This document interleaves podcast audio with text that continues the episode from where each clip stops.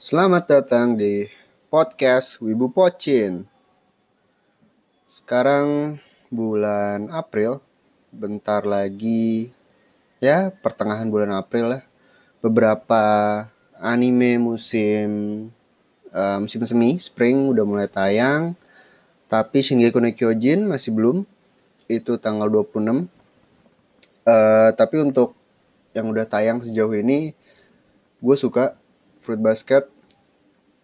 Masih bagus. Um, Kimetsu no Yaiba. Animasinya uh, di atas ekspektasi gue gitu. Dan itu pun belum masuk ke bagian yang banyak actionnya. Jadi ya we can only expect more from UFO Table. Terus juga ya banyak serial-serial yang menarik. But anyway, dalam episode ini gue bakal bahas One Piece chapter 939 karena gue udah skip sekitar 4 chapter sebulanan gitu. One Piece gue skip semua. Um, gue udah pernah bilang sih sebelumnya kalau belakangan ini chapter One Piece bukannya gak menarik tapi dalam hal materi gitu yang bisa dibahas dalam hal kayak diskusi teori-teori atau plot plot twist atau apalah itu nggak ada yang begitu surprising dan semuanya bisa dibilang udah di foreshadowing lah secara halus oleh Oda. Jadi eh, nggak uh, begitu mengejutkan juga begitu sudah di reveal contohnya seperti Hiyori yang ternyata adalah uh, Komurasaki terus juga Kawamatsu dan beberapa hal lain. Tapi yang paling bikin gua kurang semangat adalah nggak ada uh, plot point plot point yang sifatnya menengah atau jangka panjang. Jadi uh, ini istilah gue sendiri sih tapi uh, dalam One Piece seenggaknya plot jangka menengah itu contohnya seperti uh, apa yang terjadi sekitar ujung apa ya gimana ya misalkan apa yang terjadi dengan topik kelompok topi jerami sampai akhir arc gitu. Dalam hal ini arc Wano. Terus kalau yang jangka panjang tentu saja semua yang berhubungan sama Yonko Yonko yang lain yang berhubungan dengan angkatan laut dan Gorosei dan tentu saja yang berhubungan dengan uh, Im sama. Pokoknya yang berhubungan dengan One Piece uh, dengan Poneglyph things like that. Sedangkan kalau buat yang jangka menengah fokusnya lebih ke Luffy-nya, Luffy dan kawan-kawan gitu mengenai aliansi mereka, teman-teman baru, musuh-musuh baru dan jurus-jurus baru. Gitu dan akhirnya di chapter 939 ini setelah build up yang lumayan pelan gitu pelan-pelan akhirnya mulai kelihatan nih uh, kira-kira goal dari Arkwano untuk kelompok topi jerami sendiri gitu secara eksklusif itu apa kayak gitu dan menurut gue chapter 939 adalah waktu yang tepat untuk mulai membahas hal-hal seperti ini. Gitu. Oke okay, so sebenarnya ini gue rekamnya begitu chapter 940 udah keluar. Jadi uh, ya anggaplah gue merekamnya udah lama gitu. Jadi gue nggak tahu apa-apa yang akan terjadi di chapter 940 gitu. So oke okay, mari kita mulai. One Piece chapter 939.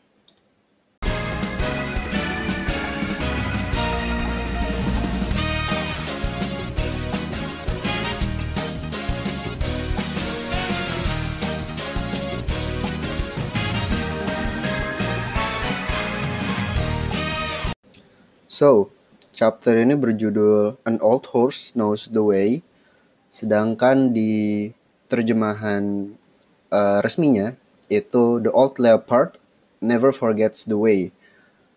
Kurang lebih artinya sama, tapi um, yang menjadi alasan dibalik judul chapter ini itu sebenarnya adalah sebuah peribahasa gitu. Ini adalah sebuah peribahasa kuno dari Cina sebenarnya. Um, ya itu oke okay, peribahasa dari Cina itu yang An old horse knows the way, seperti yang kita lihat di terjemahan manga stream. Tapi begitu dibawa ke Jepang, peribahasa itu uh, diubah gitu menjadi leopard alias macan tutul ya. Terus um, diganti jadi the old leopard never forgets the way. Jadi yang diganti cuma binatangnya doang sih. But anyway, arti dari peribahasa ini sendiri itu tuh lebih kayak bagaimana pentingnya nilai gitu atau value dari sebuah pengalaman, dari sebuah experience. Jadi meskipun lu udah tua, meskipun uh, tubuh lu sudah tidak mampu, tapi lu udah mengalami berbagai macam hal dalam hidup lu gitu kan, lu udah punya banyak pengalaman dan itu tidak akan membuat lu jadi tidak bisa mencapai tujuan lu gitu.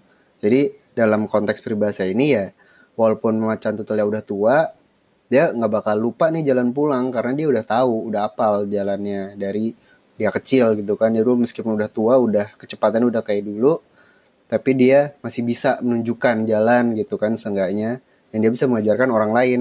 Nah itulah konteks dari uh, judul chapter ini yang bakal nyambung ke dalam uh, ceritanya nanti gitu khususnya mengenai si kakek Hio gitu. Jadi nanti nyambungnya ke situ. But anyway, uh, itu baru judul chapternya. Um, cover chapternya sendiri Jinbei yang di lagi potong rambut dan jujur aja sih gue sangat penasaran nasib Jinbei uh, di tangan Big Mom itu gimana. Semoga nggak terjadi hal yang buruk gitu. Karena fans Jinbei banyak banget dan banyak banget yang dia segera join dengan Straw Hat uh, secara official gitu kan. Uh, honestly, I'm not one of them. Kayak gimana ya? I don't know. Mungkin nanti gue bakal menjelaskan gitu ya alasan-alasan gue. Tapi ya udahlah gitu aja. So masuk ke dalam chapter ya. Um, langsung lanjut dari cerita Zoro dan pengakuan dari uh, Hiyori alias Komurasaki gitu. Jadi di sini juga dia menjelaskan kenapa kayak alasan dibalik dia ngomong ke Zoro padahal sangat beresiko gitu kan. Tapi ternyata dia juga emang uh, sedikit ngegamble gitu. Jadi ya bolehlah gitu. Jadi kayak bukannya ada sebuah clue atau ada sebuah rahasia yang Komurasaki tahu gitu, tapi ya simply karena dia memberanikan diri aja dan untungnya dia ngakunya ke Zoro gitu. Nah, di sini uh, si Zoro apa ya dia catching up gitu dengan informasi-informasi yang kita udah tahu sebelumnya uh, lewat flashback gitu kan. Tapi akhirnya di sini Zoro jelaskan dan dia tahu kalau adiknya itu Momonosuke, kenapa Momonosuke masih uh, kecil sedangkan Hiyori udah tumbuh dewasa?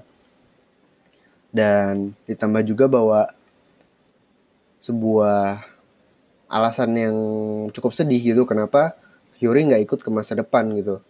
Awalnya kan uh, kita kira mungkin dia pengen uh, stay sama ibunya atau um, ada alasan lain gitu kan. Tapi ternyata ini karena salah satu harus dikorbankan. Jadi ternyata kalau memang Hiyori ikut ke masa depan ya Momonosuke nggak nggak jadi ikut gitu. Karena um, darah gitu ya.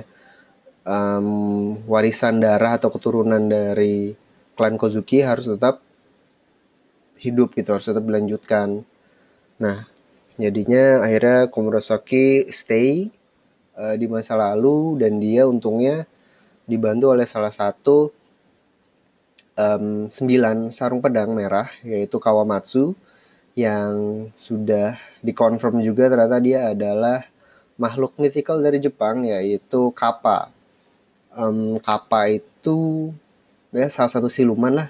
Kalau banyak banget di anime-anime apalagi anime-anime anak-anak gitu, Kappa banyak banget muncul tuh. Pokoknya dia kayak kodok tapi mulutnya kayak bebek. Yes, ya kira-kira gitulah siluman air gitu. Dan sebenarnya waktu dia di apa namanya penjara penjara udon itu udah udah udah kelihatan tuh dia ketawanya kapa papa apa itu gue udah curiga tuh. Menarik nih kalau ternyata dia ini kapa dan ternyata benar gitu kan. Dan dari flashback ya si Hiyori juga yang menceritakan Kawamatsu uh, udah confirm juga bahwa waktu lagi flashback cerita meninggalnya ibunya Komurasaki dan Momonosuke pokoknya kejadian di mana mereka semua dikirim ke masa depan itu kan ada satu sosok tuh yang gak kelihatan wajahnya pakai topi gede gitu kan pakai jubah. Dan dari flashback Hiyori ini menurut gue udah confirm lah bahwa orang itu adalah si Kawamatsu gitu berarti yang gak ikut ke masa, masa depan adalah Kawamatsu dan si Hiyori. Dan ya setelah semua cerita ini kayaknya bisa dibilang udah udah nggak nggak mungkin ada plot twist lagi lah ya. It's it's simple Komurasaki adalah Hiyori dan um, teori-teori bahwa sebenarnya Hiyori ini jahat atau gimana mungkin bisa di bisa dibuang gitu untuk sekarang walaupun masih belum ada penjelasan gitu ya kenapa waktu menjadi Komurasaki dia kayak kejam banget gitu kan. Uh, yang kan dia suka morot-morotin orang tuh yang kayak gitu-gitu. So setelah itu juga Zoro meringkas uh, line up gitu kan line up dari The Akazaya Nine alias The Nine Red Sheath alias 9 sarung pedang merah dan gue sendiri lumayan ini sih lumayan terbantu karena ada beberapa hal yang terkonfirmasi gitu yang pertama adalah Okiko adalah bagian dari Akazaya Nine sedangkan Shinobu itu enggak gitu jadi hitung-hitungan gue yang kemarin udah pas lah. Intinya memang tinggal sisa tiga, yaitu Kawamatsu, Denjiro, dan Ashura Doji. Kawamatsu udah confirm ada di penjara Udon bersama Luffy. Terus Ashura Doji uh, sudah dikonfirm merupakan apa namanya uh, ketua dari bandit gitu kan, yang walaupun sekarang dia belum bergabung dengan uh, aliansi ya, tapi seenggaknya itu tinggal nunggu waktu aja gitu kan. Dan satu lagi lah Denjiro yang masih benar-benar misteri gitu. Um, oh iya satu hal yang menarik adalah di sini Hiyori uh, waktu dia nanyain kabar-kabar teman-teman ya dia menanyakan seorang yang namanya Kikunojo. Gitu jadi kayak uh, itu di halaman berapa ya? Wait. Satu dua di halaman pertama malah. Dia kan nanya Kinemon gimana? Kanjiro Reizo Kikunojo gimana? Dan gue yang nggak tahu siapa Kikunojo itu siapa kan. Paling dekat ya namanya yang mirip mungkin Okiku tapi tapi di translatean ini dan di translatean yang stream juga nyebutnya Kikunojo. Jadi gue apakah ini karakter yang beda lagi atau gimana gitu ya? Atau mungkin ini adalah cara dari Hiyori untuk memanggil si Okiko I don't know but anyway that's the first part. Zoro istirahat bersama Otoko dan Hiyori. Meanwhile di ibu kota um, para apa ya para pembelot gitu kan calon-calon anggota pasukan pemberontakan ditangkap-tangkepin semua oleh rezim yang berkuasa. Um, tangkap-tangkepin semua. Um, dan walaupun gak ada yang ngaku si Fuko Rokuju dia udah sure banget bahwa uh, bukti yang dia pegang itu adalah bukti pemberontakan gitu. Dan di sini kita juga masih di tease gitu kan sebuah misteri yaitu ini kenapa bisa bocor gitu siapa yang membocorkan gitu kan. Di sini ada sedikit clue gitu kan bahwa dibandingkan dengan pemberontak lain yang cuma ditangkap dan dijeboskan ke penjara di sini Beppo, uh, Sachi dan Penguin anak buahnya Lau itu benar-benar babak belur dan mereka bilangnya semoga mereka nggak berpikir kalau kita membocorkan rahasianya gitu loh. Kapten masih percaya sama kita dan ini menurut gue entahlah gue nggak tahu apakah memang Bepo gitu yang membocorkan? Apakah setelah disiksa terus Bepo membocorkan rahasianya atau ada hal lain gitu? Atau salah satu dari anak buah Orochi punya kemampuan buah iblis spesial? Entahlah. Tapi kita nggak bakal tahu. Masih belum tahu kebenarannya karena ini kita pindah lagi ke penjara udon di mana ada hal yang sangat menarik ya at least buat gue karena ini sangat penting gitu buat Luffy di mendekati endgame nanti mendekati akhir-akhir cerita gitu. Oke, kita lanjut ke segmen berikutnya. Yo yo yo, kembali lagi ke penjara udon. kita kembali ke penjara udon, lanjutkan the death match between Luffy dan para sipir penjara udon yang diawasi oleh Queen. Um, ini menarik sih jadi lebih kayak kalau lu main game apa ya survival mode gitu game fighting survival mode lu kayak lanjut aja berantem pada musuh mati atau, muncul yang baru lagi muncul yang baru lagi sedangkan darah lu tuh tetap segitu-segitu aja gitu jadi bisa bilang mirip kayak game seperti itu but Anyway, yang menarik adalah dalam edisi hewan unik minggu ini kita kedapatan armadillo. Um, armadillo adalah hewan yang bergolong mamalia, kebanyakan tinggal di benua Amerika dan mereka seperti yang kita tahu adalah hewan yang memiliki sejenis perisai di punggungnya dan bisa mereka bisa gulung-gulung gitu dan bisa berputar gitu begitu berubah jadi bola. Armadillo sendiri berasal dari bahasa Spanyol yang berartikan si kecil yang memiliki baju zirah gitu the little armored one. And that's it for the animals of the week karena tiap minggu ada aja hewan baru yang diperkenalkan oleh Oda gitu kan sebagai pengguna uh, buah smile dan ya ini nggak nggak selucu yang kemarin-kemarin sih tapi tetap aja gue penasaran si Oda ini masih punya stok berapa hewan sih gitu untuk pengguna buah smile ini. Dan yang lebih menarik dari sebuah seekor armadillo adalah si Madillo Man ini memiliki pistol dengan peluru kairoseki gitu.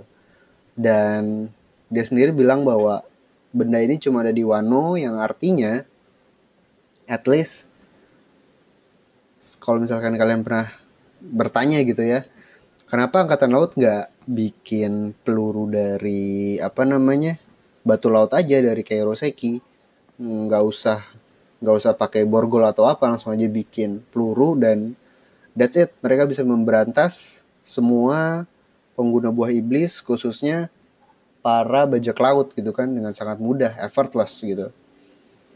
Tapi seperti yang udah dibilang kemarin, atau lebih tepatnya yang dibilang oleh Hawkins bahwa pengerjaan atau kerajinan dalam tanda kutip untuk batu laut atau kairoseki itu adalah sebuah ilmu yang eksklusif dimiliki hanya oleh para penghuni negara Wano gitu. Jadi bagaimana mereka bisa bikin uh, anak panah dari buah iblis, buah iblis dari batu laut dan senjata-senjata lainnya. Termasuk salah satunya adalah peluru. Jadi um, sebenarnya ini juga udah pernah dipakai sih. Kalau nggak salah uh, waktu Lau dikejar-kejar gitu sama Hawkins dan Drake But the point is, ini menunjukkan bahwa Wano is a very very special country setelah dengan kemampuan khusus mereka gitu related dengan poneglyph. Sekarang mereka juga punya satu lagi special ability uh, eksklusif gitu ya yang berhubungan dengan batu laut. Jadi gak heran kalau nantinya begitu di kan kenapa alasan Kaido memilih Wano pasti dua dari alasan utamanya ya itu gitu. So anyway Madilo Man versus Luffy di mana di sini Madilo Man cukup uh, beruntung karena Luffy gak mau menghajar dia dengan teknik yang normal gitu kan? Dari dari chapter sebelumnya dia sangat penasaran sama teknik haki yang pernah ditunjukkan oleh Rayleigh dan juga pernah ditunjukkan oleh um, Sentomaru gitu kan sebelum timescape tentu saja hal yang menarik adalah ini ini menarik banget sih buat gue karena kita semua seakan-akan dikerjain sama Oda gitu. Karena uh, konsep haki apalagi konsep haki armament uh, Busoshoku yang muncul sebelum timescape itu ya seperti yang kita lihat waktu Rayleigh gunakan yang Sentomaru gunakan gitu. Bahwa nggak ada tangan yang menjadi hitam atau senjata yang menjadi hitam things like that. Di, dan akhirnya kita jadi berpikir bahwa oke okay, itu adalah haki gitu loh. Itu adalah Busoshoku haki. Dan setelah time skip setelah kita lihat Luffy dan Zoro gitu kan bagaimana cara mereka menggunakan Busoshoku haki ditambah juga dengan beberapa karakter lain gitu kan musuh-musuh mereka eh, Vergo misalkan atau Smoker dan siapa pun itu mereka mengaplikasikan Busoshoku Haki dengan cara yang kurang lebih sama gitu. Seperti kayak mengcoating bagian tubuh atau senjata mereka dengan seperti aura hitam gitu kan. Dan akhirnya kita jadi berpikir lagi bahwa oh jadi Haki Busoshoku tuh mestinya ya seperti ini. Mungkin karena sebelum timescape um, Oda belum begitu dapat gitu kan feelnya atau belum dapat solid konsep dari haki itu maunya kayak gimana dia bikinnya jadi kayak dibuat yang simple dulu gitu kan. Terus setelah time shift kita ngeliat oh so this is haki gitu kan. Toh kita juga jadi tahu kalau misalkan orang lagi pakai haki itu kayak gimana. E, maksudnya kalau yang waktu pre time skip kan sama aja tuh kayak nggak ada bedanya. Jadi kita nggak tahu juga. Tapi ternyata fakta itu dibolak balik lagi sama Ichiro Oda. Dan akhirnya di sini kita tahu bahwa yang Luffy dan orang-orang lain pakai di New World itu it's just it's just rookie level gitu. Itu cuma basic level of Busoshoku kayak kayak what you did is not special dude dan kalau lu mau menjadi lebih hebat lagi dalam Mushoku Haki ya ternyata jadilah seperti Rayleigh, jadilah seperti Sentomaru yang bisa melumpuhkan lawan tanpa perlu menyentuh mereka sama sekali gitu kan. Dan gue pikir anjir lah dikerjain Oda gue. Dan ini menarik sih karena sekali lagi menunjukkan bahwa Luffy is still far from super strong from mastery of haki dia masih sangat jauh walaupun ini membuktikan juga sih kalau omongan Rayleigh itu benar bahwa waktu lagi latihan 2 tahun itu dia cuma bakal bisa mengajarkan basic hakinya doang gitu. Bahkan kayak di satu tahun pertama si Rayleigh mau cabut kan ninggalin Luffy sendirian di pulau itu. Terus sisanya Luffy latihan sendiri. Jadi sangat masuk akal gitu bahwa setelah time skip petualangan Luffy yang kita uh, saksikan di New World ini Luffy ya belum menguasai haki sepenuhnya gitu kan. Dan ini kayak membuka kayak apa ya kayak new possibilities gitu loh untuk perkembangan Luffy dan kawan-kawan. Seperti halnya waktu si Doflamingo menyebutkan tentang awakening gitu. Akhirnya kita jadi penasaran kan bahwa dan kita juga tahu bahwa ada potensial power up untuk Luffy dan mungkin uh, teman-teman yang lain yang pakai buah iblis gitu untuk menjadi jauh lebih kuat dari sebelumnya. Ini juga sama gitu. Bahwa dengan haki Busoshoku yang advance ini Luffy sangat yakin kalau ini bisa mengalahkan Kaido gitu. Um, dan kalau kita breakdown lagi sebentar. Hmm, hmm, hmm. Baca-baca catatan dulu. Um, Santo Maru Hmm.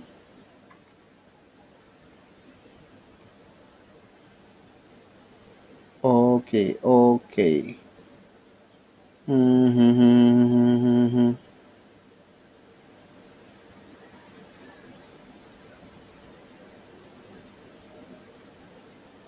Oke, sebelum kita masuk ke detail mengenai Busoshoku, I just want to mem- memberikan apresiasi kepada Luffy gitu kan. Bagaimana saat dia membantu kakek Hyo, dia memberikan instruksi yang turn out to be sama persis gitu seperti yang Luffy bilang. Dan dengan santainya dia membantu kakek Hyo mengalahkan si Alpaka Man tanpa harus turun tangan gitu. Meanwhile dia sendiri sama sekali tidak kerepotan melawan si Madilo Man. Dan itu gue bener-bener anjir keren banget karena karena di sini kita menyaksikan bukti bahwa Luffy sudah benar-benar menguasai advanced uh, Kenbunshoku Haki alias Haki Observation di mana ini ya simply membuktikan bahwa dalam hal Haki Observation Luffy sudah setingkat katakuri Luffy sudah bisa melihat masa depan gitu. He's that good. Dan ini gue merinding sih bahwa anjir lah udah sejago ini Luffy gitu kan observationnya udah bisa menghindar dengan sangat santai dan ini keren banget sih menurut gue. Um, dan di sini gue juga jadi sadar bahwa the big arcs gitu atau lebih tepatnya the Yonko Saga ini punya goal yang beda-beda untuk Luffy sendiri gitu. Jadi setelah kita lihat Whole Cake Island gitu kan, dan setelah pertarungan mati-matiannya melawan Katakuri, kita mendapatkan atau lebih tepatnya Luffy mendapatkan sebuah reward gitu yaitu Advanced Mastery of Kenbunshoku. Akhirnya dia bisa uh, memprediksi masa depan gitu. Jadi saya bilang Whole Cake Island goalnya adalah meningkatkan kemampuan Kenbunshoku Luffy.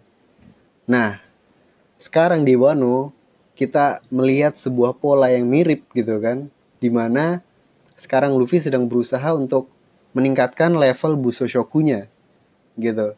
Gimana level Busoshoku dia, dia mau jadi kayak Rayleigh dan Setomaru yang bisa uh, kayak melakukan the force gitu ya, melumpuhkan lawan tanpa perlu menyentuhnya. Dan tentu saja gue yakin selesai dari arc ini hasilnya adalah Luffy mendapatkan advanced mastery dari Busoshoku gitu. Dan itu artinya kemampuan Luffy itu udah sejauh itu naik ya. He's been that great gitu. Dan itu keren sih kayak dan bisa dibilang arc selanjutnya setelah Wano eh, kemungkinan adalah bagaimana Luffy meningkatkan kemampuan dari Haushoku Haki gitu, Haki Conqueror. Walaupun kita belum pernah lihat ya, belum pernah ada foreshadowingnya kayak kalau lu jago banget Haki Conqueror-nya lu bakal bisa melakukan apa gitu. Mungkin hal yang terdekat adalah waktu uh, Shanks uh, ketemu sama Shirohige. Gue nggak tahu sih itu dampak dari Busoshoku atau Haushoku. Tapi yang jelas waktu mereka mengadu pedang gitu, kan sampai-sampai uh langit terbelah karena mereka baru bertemu gitu kan. You may say kalau itu cuma sekedar kiasan atau cuma sekedar uh, lebay-lebayan manga aja gitu kan lebay-lebayan komik.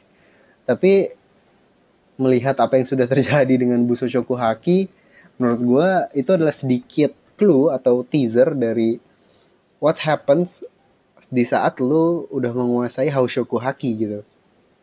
Menurut gue gitu sih. Yang jelas kalau Luffy menguasai Hoshoko Haki, we can finally say that he is on the level of Yonko gitu.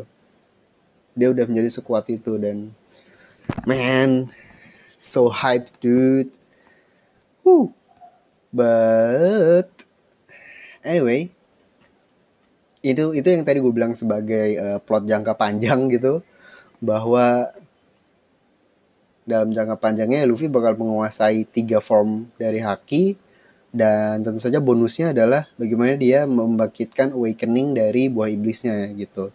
Jadi saat itu semua udah terjadi, udah deh kita tinggal lihat the final fightnya gitu kan dalam menemukan atau memperbutkan One Piece melawan Kurohige maybe entahlah. Um, Dan satu hal lagi yang menarik mengenai chapter ini, di sini latihan Luffy tuh apa ya? Diperlihatkan secara jelas gitu. Karena toh at the end of the chapter, akhirnya kita tahu bahwa kakek Hyo, he is the real Hyogoro gitu kan. Mafia legendaris, Yakuza legendaris dari negeri Wano. Dan dia mampu menggunakan jurus Busoshoku Haki yang Luffy pengen gitu. Dan kakek Hyo juga udah bersenang hati untuk mengajarkan Luffy. Jadi ini adalah satu dari sedikit atau atau malah hal yang nggak pernah gue lihat sebelumnya di One Piece. Walaupun ini sangat sering terjadi di komik-komik shonen lainnya gitu. Yaitu adalah training arc. Training arc. Ini sering banget.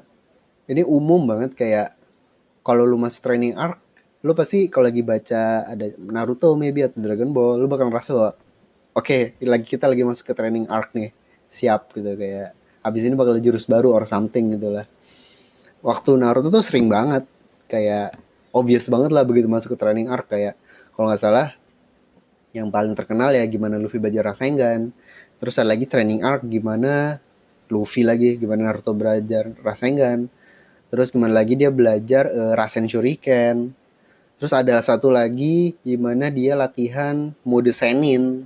Itu tuh jelas banget kan. Kayak kalau lu cari lu bisa kayak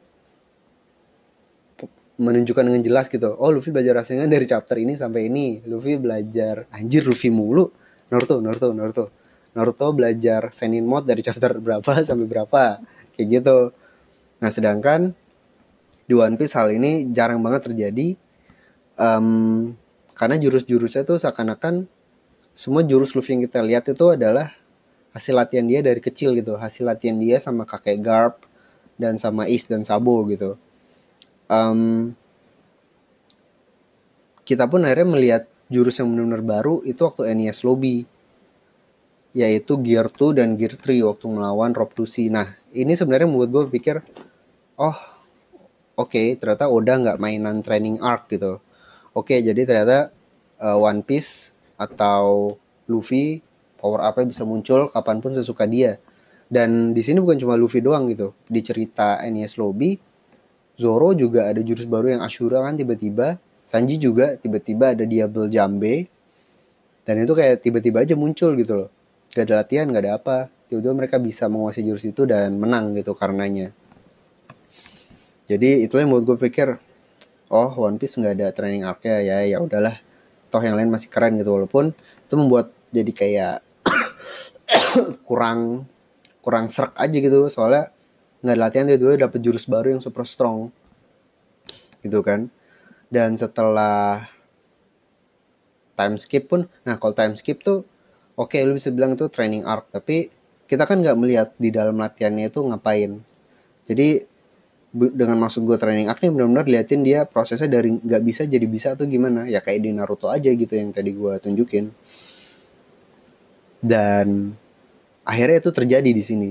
Karena waktu yang waktu yang time skip kan kayak cuma sedikit sedikit doang tuh Riley terus Gear 4 pun muncul. Itu karena hasil dari latihan waktu lagi time skip sama Riley jadi kayak oke okay, udah jelas gitu lah. Ini hasil latihan dia selama 2 tahun yaitu Gear 4 dan sekarang gitu ya akhirnya kita melihat training arc yang nyata gitu dari One Piece. Di mana Luffy berusaha menguasai Busoshoku gitu. Nah, sebenarnya sih um, technically ya, kalau dibilang training arc, lu bilang Whole Cake Island, Luffy lawan Katakuri, ya mungkin itu training arc juga, tapi uh, sangat-sangat ekstrim gitu ya, karena hasilnya adalah Luffy menguasai Ken Bunshoku atau Luffy mati gitu jadi um, itu kayak uh, learn as you do aja gitu kan yang waktu Luffy lawan Katakuri. Tapi ini kan jelas nih di sini stake-nya nggak begitu besar karena uh, mereka nggak mungkin keluar lapangan. Apa namanya gelang yang bom itu nggak bakal meledak. Dan musuh-musuh di sini sangat-sangat lemah gitu. Jadi kayak perfect banget lah buat Luffy latihan. Dan si Queen sini juga nyantai. Mungkin dia dia pun baru turun tangan kalau udah abis semua kali sampai si uh, Chief Wardennya jatuh baru dia turun tangan. Dan itu kayak masih lama. Meanwhile Luffy masih bisa latihan gitu kan. jadi menurut gue ini benar-benar the real training arc. Dan hasilnya sendiri menurut gue bakal sangat menarik sih nanti. Um, karena kemungkinan dengan haki yang baru ini kita bakal dapat gear yang baru atau form baru dari Luffy yang memanfaatkan konsep Busoshoku Haki yang master ini gitu. Menurut gue bakal keren banget sih. Entah gear 4 apalah namanya. Tapi yang jelas bakal kayak gitu sih jurus baru dari Luffy.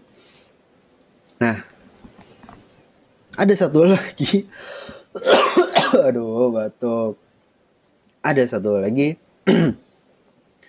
hal yang menarik gitu dari perkembangan Luffy gitu atau perkembangan Oda sendiri dalam hal menulis pertarungan gitu. Setelah tadi gue bilang mengenai Oda yang jarang menulis training arc atau nggak pernah lebih tepatnya, uh, kali ini juga kita dihadapkan dengan potensi untuk Luffy mengalahkan lawannya tanpa jurus yang aneh-aneh. Kalau kalian ingat, sepanjang cerita One Piece gitu khususnya sebelum time skip ya, Luffy sering banget menggunakan metode-metode yang luar biasa konyol but karena itu efektif gitu kan jadinya tetap keren tapi kocak juga gitu contoh pertama melawan krokodil Luffy minum dua galon dua barel air putih terus akhirnya dia jadi luar biasa gendut dan dia menyebut dirinya Water Luffy dengan Luffy yang super gendut ini, dia mampu mengalahkan seorang si Cibukai yang punya buah iblis Logia. Bayangkan itu. Kayak anjir lah. Itu kocak banget main Water Luffy dan si apa krokodil kaget banget kan. Walaupun kalah juga dan di pertandingan mereka yang ketiga Luffy pakai metode yang lebih beres gitu kan dengan menggunakan darahnya sendiri. Tapi tetap si Water Luffy it's so cool, so funny dan it's efektif gitu. Dan hal ini terjadi lagi waktu di arc um, shit gue lupa yang zombie-zombie itu. Pokoknya Gecko Moria lah. Gue lupa nama kapalnya atau nama arcnya. Pokoknya yang itulah. Waktu itu melawan si Ors yang raksasa itu kan. Raksasa yang punya bayangannya Luffy. Di sini Luffy dijejelin ratusan bayangan gitu kan terus akhirnya Luffy jadi super warrior gitu, super zombie warrior yang bisa main pedang dan jadi luar biasa kuat gitu karena bisa mengalahkan raksasa dengan dengan sekali pukul gitu itu kocak banget dan keren banget juga gitu. Uh, walaupun tentu saja metode akhir untuk mengalahkan Moriahnya adalah gear 2 yang digabung dengan gear 3. Still, Shadow Luffy super cool. Terus juga Selanjutnya ada lagi Afro Luffy. ya Foxy nggak pantas disebut bos sih uh, karakter bos enemy gitu tapi come on Afro Luffy super cool.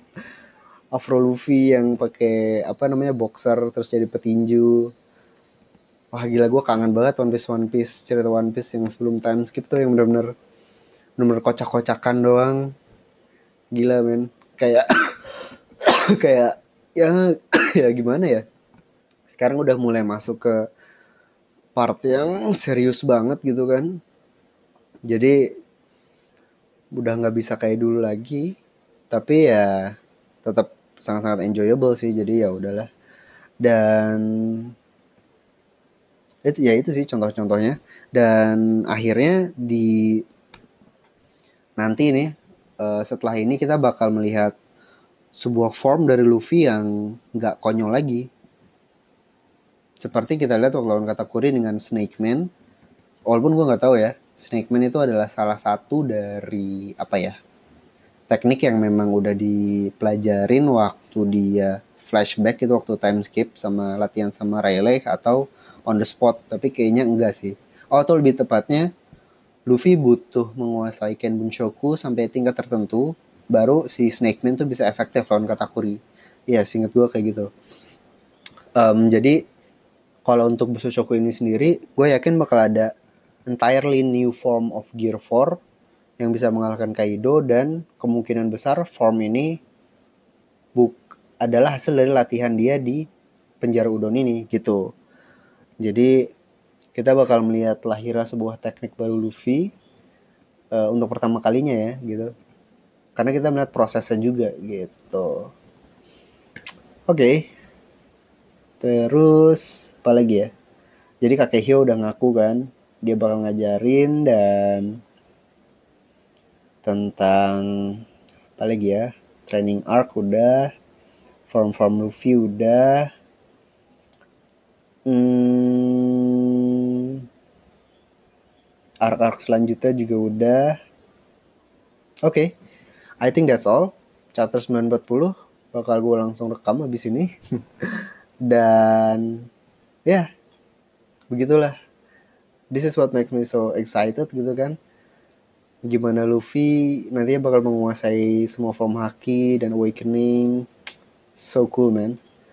Oke okay, thank you semuanya udah mendengarkan. Bye